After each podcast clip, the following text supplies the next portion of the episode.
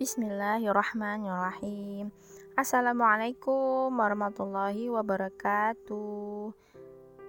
Semangat pagi, semangat pagi sahabat muslimah semuanya. Selamat datang kembali di podcast Let's Talk About You Muslimah. Masih bersama saya di sini yang setia menemani sahabat muslimah dengan obrolan ringan seputar Islam. Hari ini adalah hari ke-22 dari tantangan 30 hari bersuara dari at thepodcasters.id. Dengan temanya adalah kematian. Saya akan membahas sedikit kenangan, sedikit curhatan ya. Kemudian eh, akan menjelaskan mengenai kematian dalam Islam. Oke, kita mulai aja ya. So let's start talking about you. Yes, you muslimah. Sahabat muslimah, pas banget Desember ini saya kehilangan satu anggota keluarga saya. Abang ipar saya meninggalkan istri dan tiga anak perempuannya. Yang paling kecil belum ada setahun. Semenjak dua bulan lalu abang ipar saya bilang udah capek sama penyakitnya.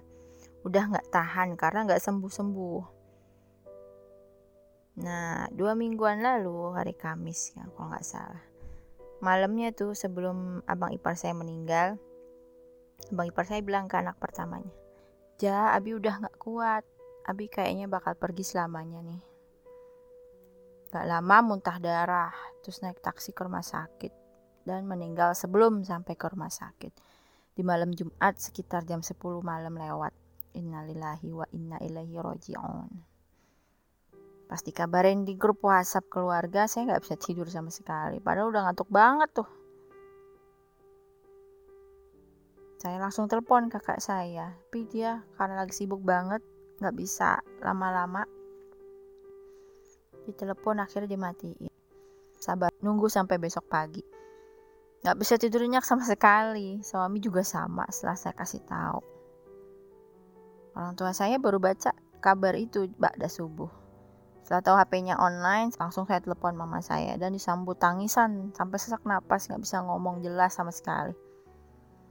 Akhirnya saya bilang saya dan suami aja yang pergi takziah, titip anak-anak di rumah orang tua. Karena orang tua udah sepuh ya dan punya komorbid lagi jadi kita nggak tahu kan kondisi yang lagi melayat tuh gimana orang-orangnya. Akhirnya ada subuh saya pergi ke rumah orang tua. Mama saya masak sambil nangis sesenggukan. Sedih katanya ingat abang ipar saya. Sedih karena nggak bisa datang takziah. Sedih karena mikirin kakak saya sama tiga cucu perempuannya.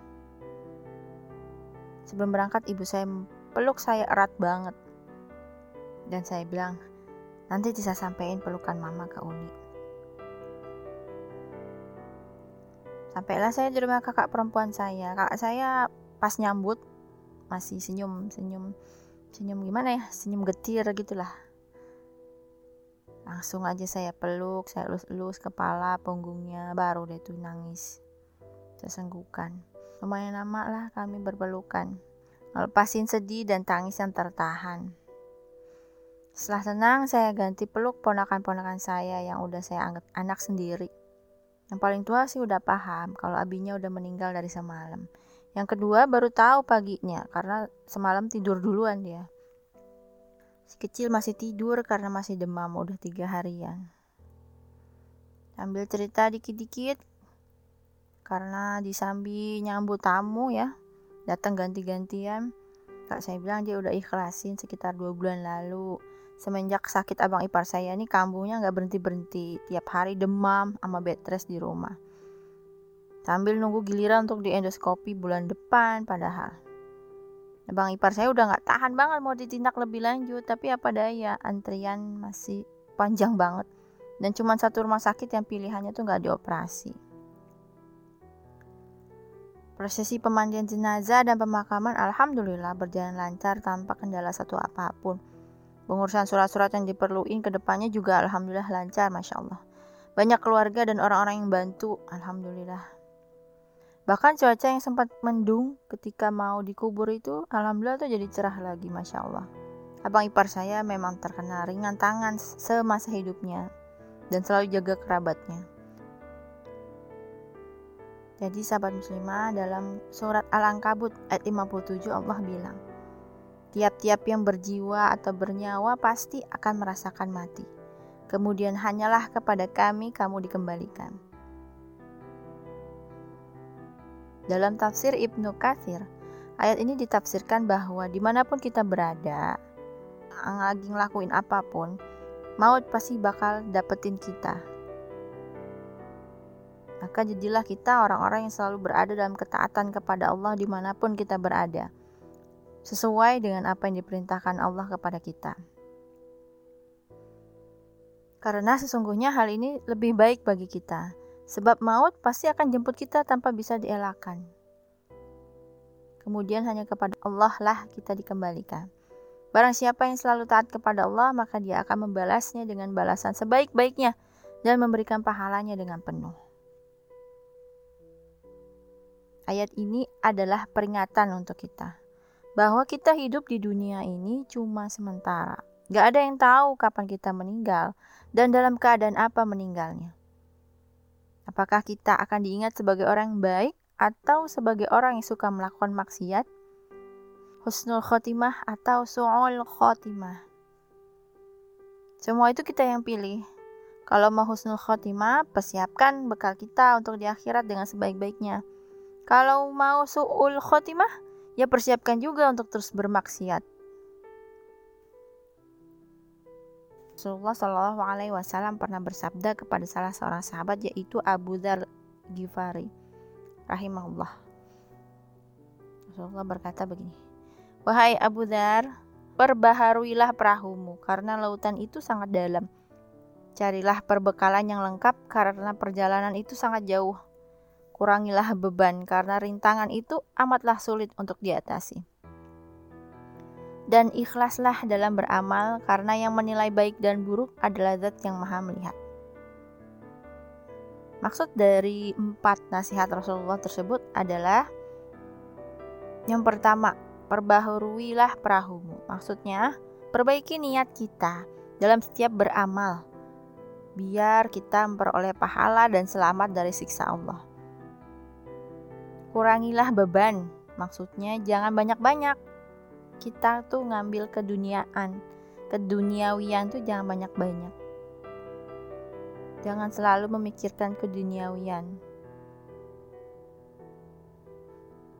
Dianalogikan akhirat dengan lautan yang dalam, perjalanan yang jauh, dan rintangan yang amat sulit untuk diatasi karena ya banyaknya kesulitan dan rintangan yang masih dilewati untuk bisa sampai kepada kebahagiaan akhirat. Abu Sulaiman Ad-Darani berkata, beruntunglah orang yang dalam hidupnya benar-benar hanya mengharap ridho Allah. Ucapan Ad-Darani ini mengacu pada sabda Nabi Muhammad SAW yang ditujukan kepada Muaz radhiyallahu anhu yang artinya ikhlaskan niat niscaya engkau akan menerima balasan amalmu meskipun amalanmu itu sedikit.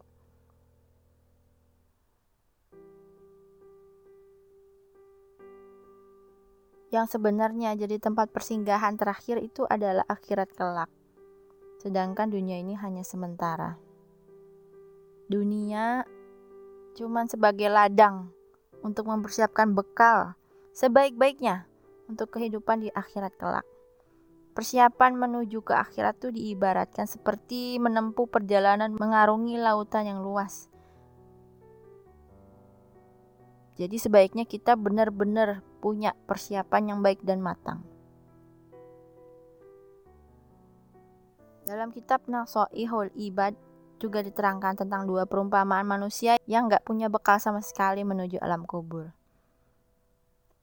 Dari Abu Bakar As-Siddiq pernah berkata, Barang siapa masuk kubur tanpa membawa bekal, maka seakan-akan dia mengarungi lautan tanpa perahu. Dari Rasulullah Shallallahu Alaihi Wasallam bersabda, keadaan mayat di dalam kubur itu tidak ubahnya seperti orang yang tenggelam yang meminta pertolongan. Semoga kita semua mampu mempersiapkan bekal ke akhirat dengan sebaik-baiknya dan mendapat ridha Allah serta tempat yang baik di akhirat kelak. Dengan bertakwa kepada Allah, menjalankan perintahnya dan Rasulnya, menjauhi segala larangannya, dimudahkan dalam melakukan ibadah dan segala kebaikan. Dan semoga kita dijauhkan dari lima golongan kelompok manusia sebagaimana yang disabdakan oleh Rasulullah wasallam akan datang pada umatku suatu masa yang mana umatku mencintai lima perkara dan melupakan lima perkara lainnya, yaitu mereka mencintai dunia dengan melupakan akhirat. Mereka mencintai kehidupan dunia dengan melupakan kematian. Mereka mencintai rumah yang megah dengan melupakan kubur. Mereka mencintai harta benda dengan melupakan hisap dan mereka mencintai makhluk dengan melupakan khaliknya. Saya tutup dengan firman Allah dalam Quran surat Al-A'la ayat 17. Sedang kehidupan akhirat adalah lebih baik dan lebih kekal. Dan surat Al-Baqarah ayat 201. Dan di antara mereka ada yang berdoa, Ya Tuhan kami, berilah kami kebaikan di dunia dan kebaikan di akhirat, dan peliharalah kami dari siksa neraka. Amin. Wallahu a'lam bisawab. Mohon doanya ya sahabat muslimah untuk abang ipar saya. Allahumma gfir lahu warhamhu wa'afihi wa'fu anhu. Semoga kakak dan keponakan-ponakan saya diberikan ketabahan, kesabaran dan keikhlasan dalam menjalani takdir ini. Amin ya rob. Terima kasih udah dengerin podcast saya hari ini.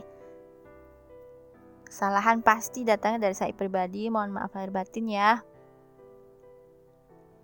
Untuk besok, insya Allah temanya adalah penyesalan. Sampai ketemu besok. Assalamualaikum warahmatullahi wabarakatuh.